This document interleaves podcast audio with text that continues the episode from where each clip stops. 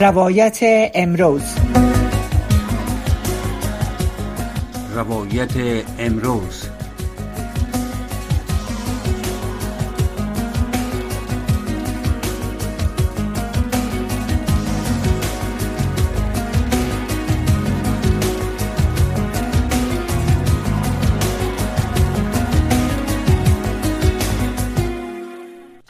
شنوندگان عزیز سلام. شب همه شما بخیر.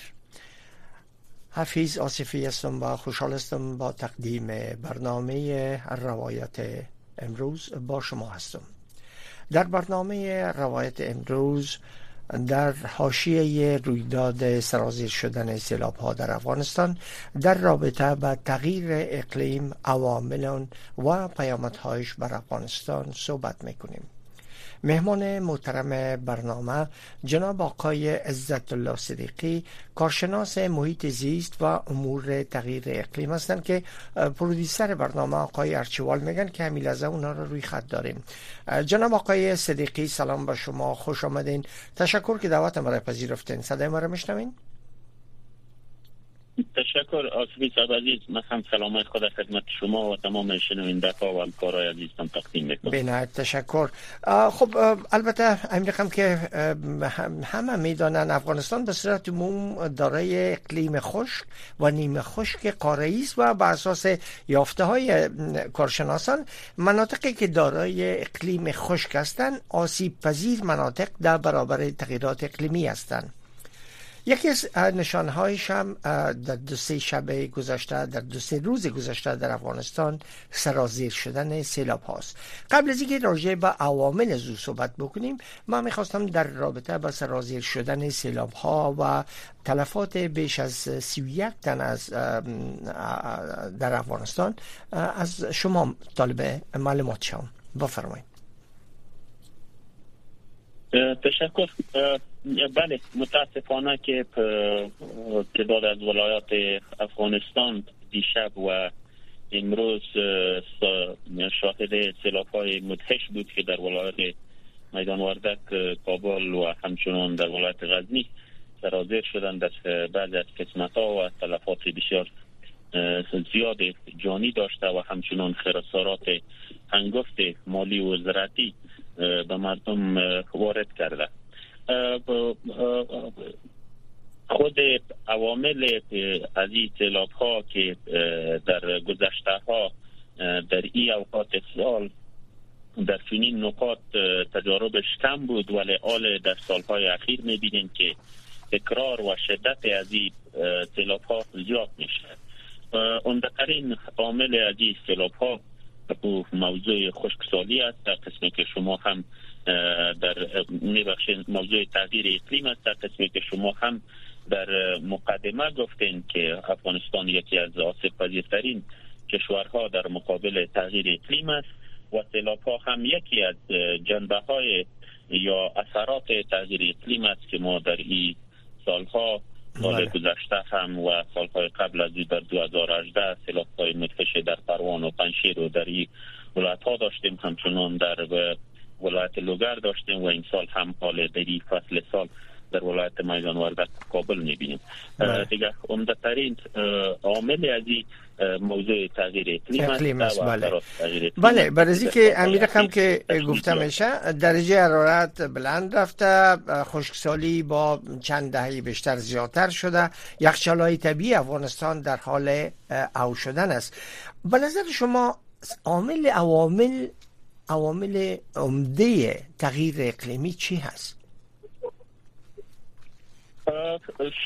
ببینیم و شنونده های محترم هم شاید اطلاع داشته باشند که از وقتی که کره زمین و جو زمین یا آب و هوایی که در گرد را گرد ما است و کره زمین احاطه کرده به شکل طبیعی هم این تغییر اقلیم چندین بار در تاریخ چند هزار سال گذشته و حتی در میلیون ها سال گذشته بارها تکرار شده بله. ولی تغییر اقلیمی را که امروز ما تجربه می‌کنیم و امروز اثرات از را می‌بینیم این تغییر اقلیم از اثر فعالیت انسان ها است یعنی بعد از که در سالهای 1850 و 70 و 1819 و در سال 1900 از این وقت هم انقلاب صنعتی و فعالیت های صنعتی انسان ها زیاد میشه می‌بینین استفاده از زغال سنگ که عمدترین منبع گازات گلخانه‌ای هم carbon dioxide و nitrous oxide و همچنان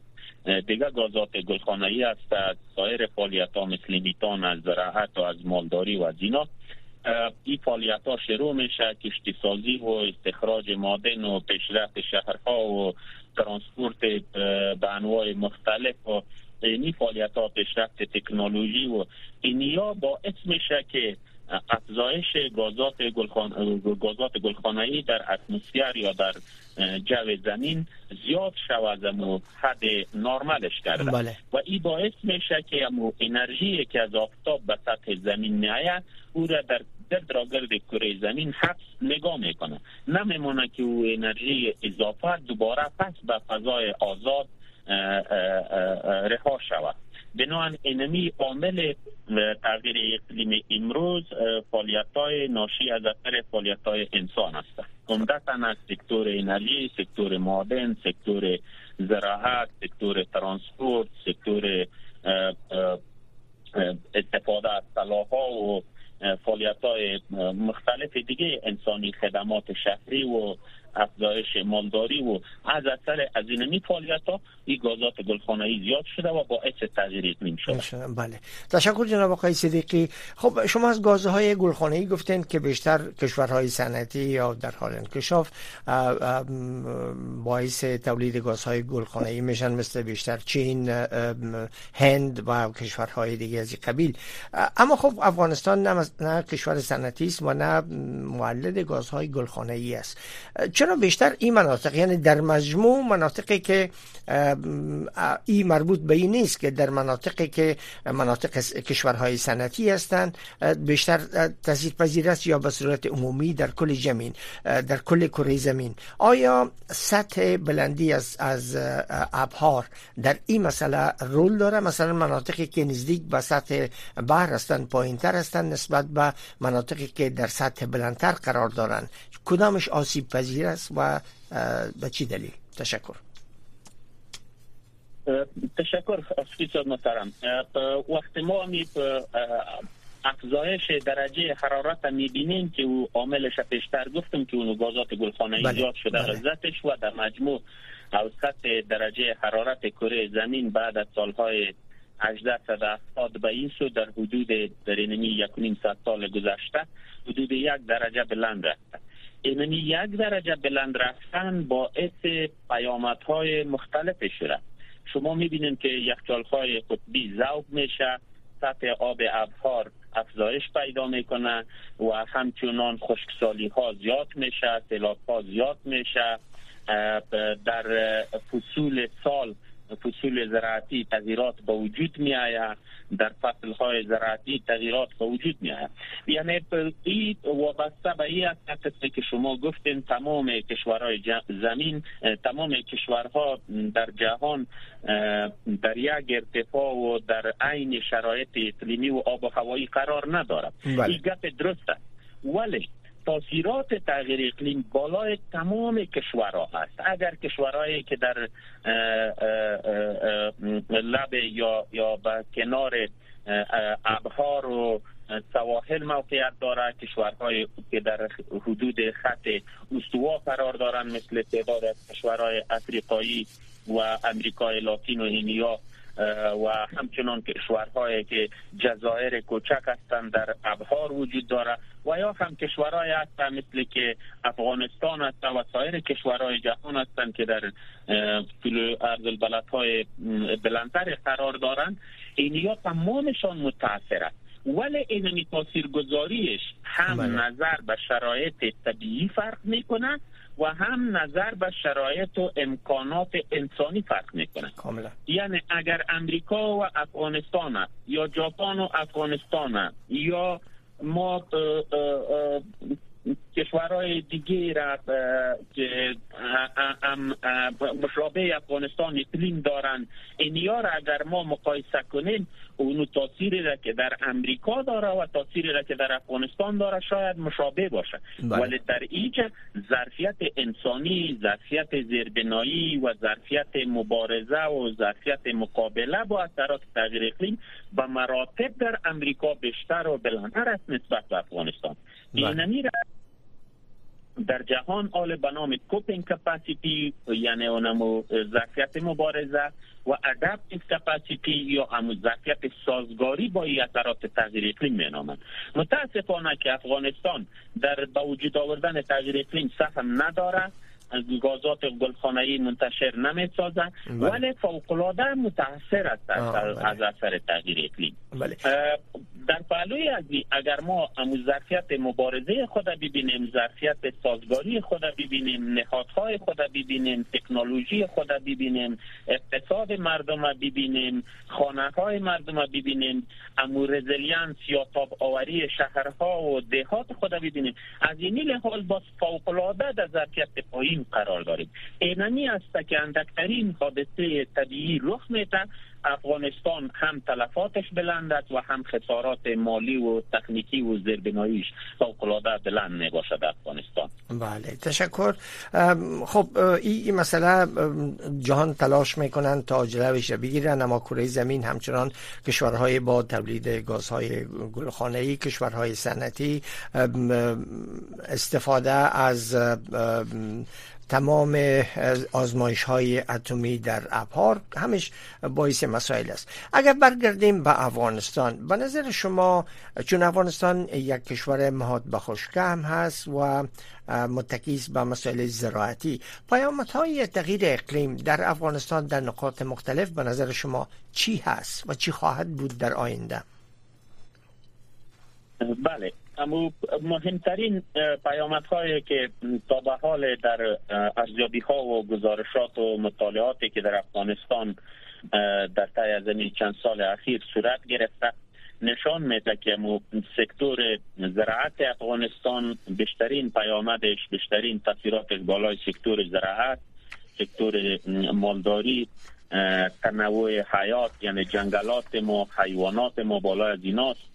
بالای سکتور منابع آبی افغانستان است. آبهای زیرزمینی آبهای سطحی برفهای دائمی ما و یخچالهای دائمی ما که در سطوح مرتفع در قسمت های شمال شرقی افغانستان سالنگ ها و به طرف پامیر بدخشان به این قسمت ها بود. بله. بالای از اینا است کوی بابا و که منبع دریای هلمند و دریای کابل و دریاها است. بالای از اینا بوده. و همچنان دیگر بالای سکتور صحت صحی باعث امراض گوناگون هم در بخش نباتات در بخش حیوانات و هم بالای انسان ها بالای ازی شده. و دیگر پیامت های از این افزایش حوادث طبیعی ناشی از تغییر اقلیم است.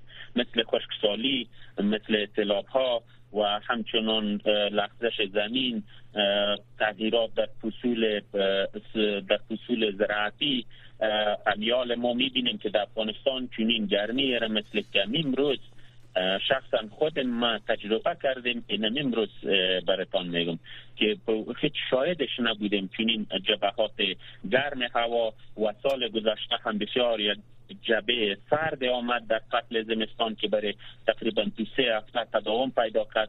این اونمو های مهم و عمده شد در افغانستان. در آینده اگر چنین وضعیت ادامه پیدا می‌کنه یعنی شرایط طبیعی و تغییر اقلیم. به این منوال باشه. و ظرفیت مبارزه ما هم به اونو منوال باشه. وضعیت اقتصادی ما هم مثل که آل تجربه می‌کنیم. به این حالت باشیم که 28 میلیون انسان امیال برای مواد غذایی و خوراکی نیاز داره ولی دسترسی ندارن برش. اگر چنین وضعیت ادامه داشته باشد در سالهای آینده پیش بینی ها و گزارشات است که باعث تنش ها و منازعات و جنجال ها بالای منابع آب بالای مالداری بالای منابع زراعتی بالای کوه بالای زمین این منازعات و جنجال ها بین قریه ها و بین بین فامیل ها و بین ولایات اینیا به وجود خواهد آمد و همچنان باعث ماجرت های کتلوی از شهرها به طرف دهات و برعکس از دهات به طرف شهرها به خاطر منابع آبی کنیال در افغانستان خصوص در کابل شما ببینید وضعیت منابع آبهای زیرزمینی به مو, مو خرابترین حدش رسیده. درست در این مورد من می‌خواستم نظر شما را می‌خواستم درست در این مسئله سوال بعدی معمی هم بود که منابع زیرزمینی افغانستان که خب مستقیما رابطه داره با خشکسالی از چند دهه به این طرف که آب کم بوده این منابع در حال از بین رفتن است و این یک یکی از منابع از منابع منابع زیرزمینی افغانستان. منابع آبی زیرزمینی چقدر ای از خشکسالی صدمه دیده و در آینده چی چیزی پیش بینی میشه قسمی که ما کمتر گفتم که در کابل این سال ما می‌بینیم که وضعیت آبهای زیرزمینی فوقلاده به حالت بحرانی رسیده. بله. خودم به داخل خانه در ناحیه پنج شهر کابل هستم. در اینجا چاق داشتیم 50 متر. بله. اینمی دو ماه پیش چهار افاری کردیم به 110 متر. آه. یعنی به این معناست که نمی طبقات آبدار در شهر کابل از لحاظ علم جیولوژی یعنی زمین شناسی طبقات آبدار افغانستان اینمی حدود 100 الی 120 متر آب داره. یعنی بعض مردم به این عقیده هستند که هر قدر عمیق شده شما برین به آب دریابی می‌رسین و به آب چطور می‌رسین. اونطور مسائل وجود نداره از لحاظ علمی و تکنیکی. بله. یعنی از این لحاظ اینمی آخرین ظرفیت های آبهای زیرزمینی شهر کابل است که ما استفاده می‌کنیم. اگر این وضعیت ادامه پیدا کنه من که قسم قبلا گفتم مردم با مشکلات سیسی با مشکل تشنگی با مشکل مسائل زراعتی در اطراف شهر کابل در این مناطق مواجه خواهد بود. و باعث کوچ و ماجرت های کتلوی خواهد بود. در امی طول چند سال مطالعاتی که صورت گرفته سطح آبهای زیرزمینی به مراتب پایین رفته یعنی بین 10 تا 40 50 متر ولی نظر به قسمت های مختلف شهر کابل فرق می‌کنه. به شکل اوسط هم اگر ما ببینیم در سایر ولایات افغانستان مزار و هرات و هلمند و قندهار و به این قسمت ها در اوجا هم به می حدود ده متر 20 متر 30 متر 40 متر پایین رفته نظر به طبقات آبدار و اینیات این طبیعت است هر ساحه تفاوت داره بله. دیگه مشکل اساسی که برای آبهای ما مواجه است او مشکل کیفی است. یعنی کیفیت آبهای زیرزمینی هم هر قدر که امو منبع آب زیرزمینی سطحش پایین تر میره اونم قدر هم امو امکان و پتانسیل آلوده شدن از او هم بیشتر میشه امو دامنه آلودگی از او هم بیشتر میشه. بنابراین از این لحاظ از لحاظ آبهای زیرزمینی فوقلاده در حالت خوب ولایات افغانستان و بالخصوص شهر کابل قرار نداره و قابل نگرانی است. برای باید توجه بیشتر شود که من مطمئن هستم شاید سوالای بعدی شما درست دنی مسئله است که چی, چی را در آخر سر راه های حل صحبت می‌کنیم. اما برای, برای معلومات بیشتر شنوندگان عزیز منابع آبهای زیرزمینی چی هست و آیا باران ها آیا باران ریزش باران های مداوم و ذوب شدن یخچال ها در برای افزایش منابع آبی زیرزمینی کمک می‌کنه؟ صاحب عزیز شما ببینید کمک می‌کنه بله ولی از لحاظ علم جیولوژی وقتی که ما آبهای زیرزمینی را در مزار شهری به قسمت های شمال و جنوب و در مرکز افغانستان ما می‌بینیم کابل هم می‌بینیم. این ذخیره نیست که امسال برکباری شوه و برای سال آینده با سطح آبهای زیرزمینی ما بلند. یعنی این پروسه میلیون ها سال است که قدر آب در اینجا ذخیره شده و ما در تای از اینمی بالخصوص بالخصوص در اینمی 20 سال گذشته که افزایش تساماور شهرنشینی در شهر کابل عمومدترین عامل شهر زیاد شده. استفاده از منابع آب زیاد شد. شهر کابل توسعه یافت نیال سایه های رسمی و غیر رسمی در همین حدود 6 میلیون نفر میگن که در شهر کابل زندگی می‌کنن. بنان این عوامل هستند خود آبهای زیرزمینی در تمام جهان ایرا من حیث ماده معدنی یا منابع زیرزمینی می‌دانند و برای ازی میگن که اینا باید من حیث منابع استراتژیک استفاده شود یعنی از اینیا باید استفاده در شرایط نرمال نشود که ما آبهای سطحی و اینیا را داشته باشیم و از این استفاده کنیم. ولی متاسفانه در افغانستان طول چند دهه جنگ ها و منازعات و مشکلات ذاتیتی و نهادی و نبود قوانین و باز که قوانین بود عدم تطبیقش. این مسائل ما را نمان که برازی من حیث یک منبع استراتژیک ببینیم. و از دست ما خطا خورده آل به اصطلاح آمیانه. بناهن بله اگر بدباری ها در سالهای آینده زیاد شود در کوههای پغمان در سایر کوههایی که گرد راگت اطراف شهر کابل احاطه کرده و در دیگر ولایات قسمی که قبلا نام بردم اوج برفهای دائمی بمانه و در فصول بهار و تابستان بازو به تدریج ذوب شده بره دوباره آبهای زیرزمینی ریچارج شده بره. ولی از در مصرف و سرفجی آب هم انسان ها یعنی حکومت دولت مردم سکتور خصوصی اینیا احتیاط کنند صرفه‌جویی کنند. امکان داره که در طول چند چندین سال امکان داره که یعنی از, از استفاده ما قدر خود تغذیهش زیاد نمیشه ولی اینما قدر شود که مو بلانس مساوی بمانه. یعنی چه قدری که به زیر زمین تغذیه میشه اونم قدر مصرف ما باشه. متاسفانه که آل امی بلانس ما منفی است.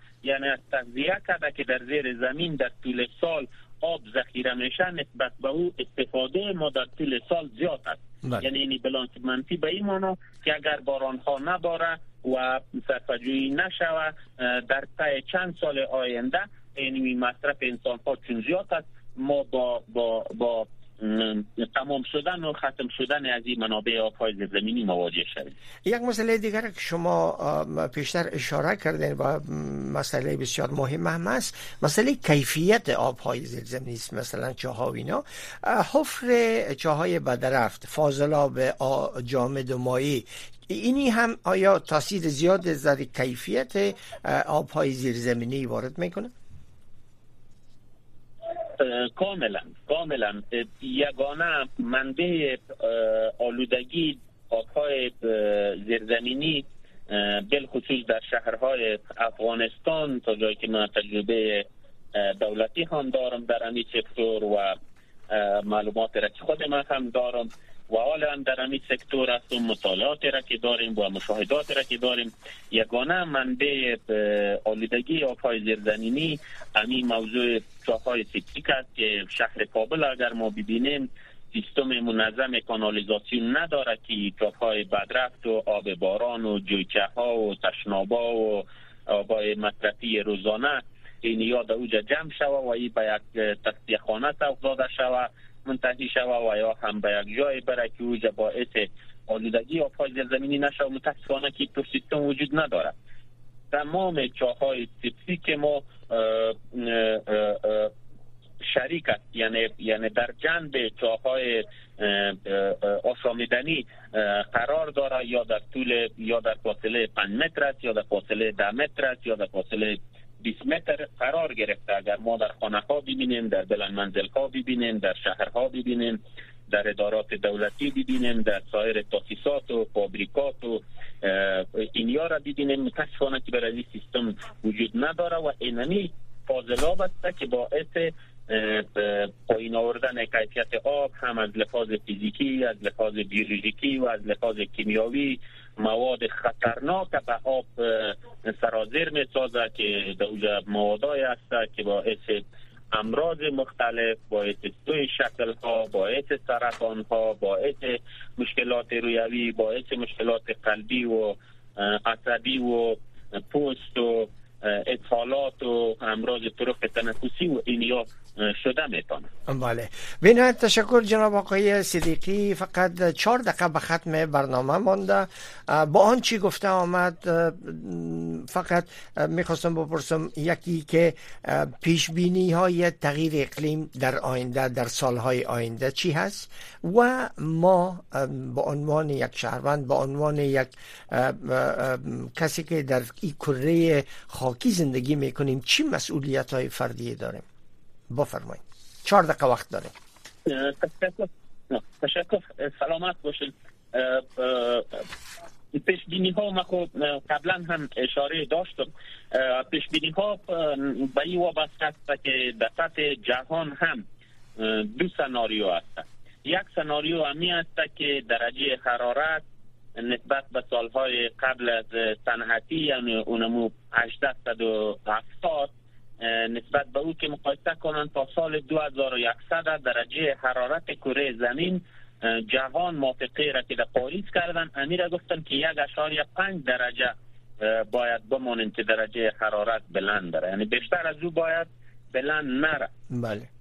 ولی سناریوی دوم ای است که اگر اقدامات صورت نگیره در کاهش گازات گلخانه‌ای در سکتور انرژی، سکتور ترانسپورت، سکتور تکنولوژی، سکتور شهرسازی، استفاده در خانه ها در کثافات جامد و اینیایی که تولید میشه در سکتور زراعت و جنگلات انیال شما می‌بینید که آتش سوزی که در جنگلات کانادا صورت گرفته بله میلیون ها تن گازات گلخانه ای را منتشر ساخت.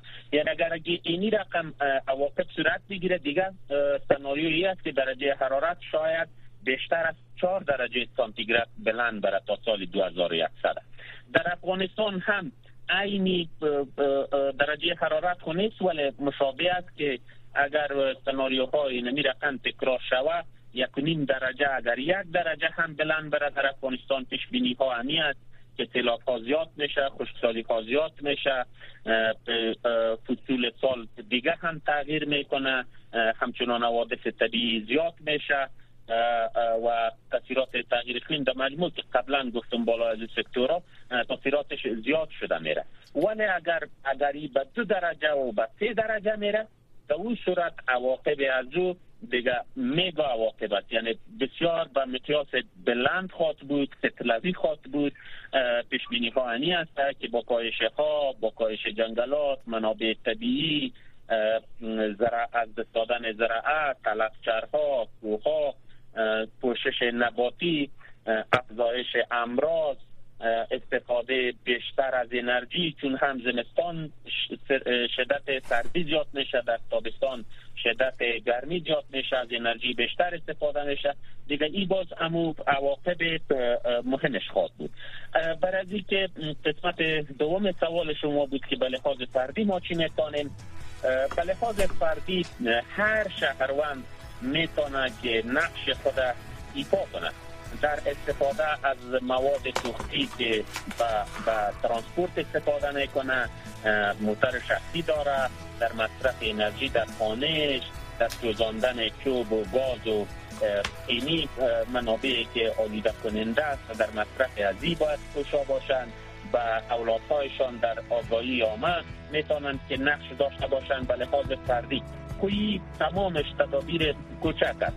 ولی اینمی شرایط برای از اینمی تغییرات که به سطح فرد و خانواده بیاید. اینی شرایط باید ادارات دولتی پلیسی های تعلیمی و تحصیلی و آگاهی آمه و اینیا را مساعد بسازن بله. قوانین بخش باید به شدت تطبیق شود و مهمتر از کم کرده امو منابع مالی که در جهان برای مبارزه با تغییر اقلیم وجود داره بمونن که برای کشورهای مثل افغانستان تشکر جناب آقای صدیقی. تشکر از حضور شما جناب آقای صدیقی در برنامه و تشکر که معلومات خود با ما و شنوندگان قسمت کرده این برنامه روایت امروز به پایان می‌رسه. برنامه بعدی ما صدای شما استاس و است که همکاران ما فایزه ایسان و زیبا خادم رو و پیش می‌برند. با ما باشید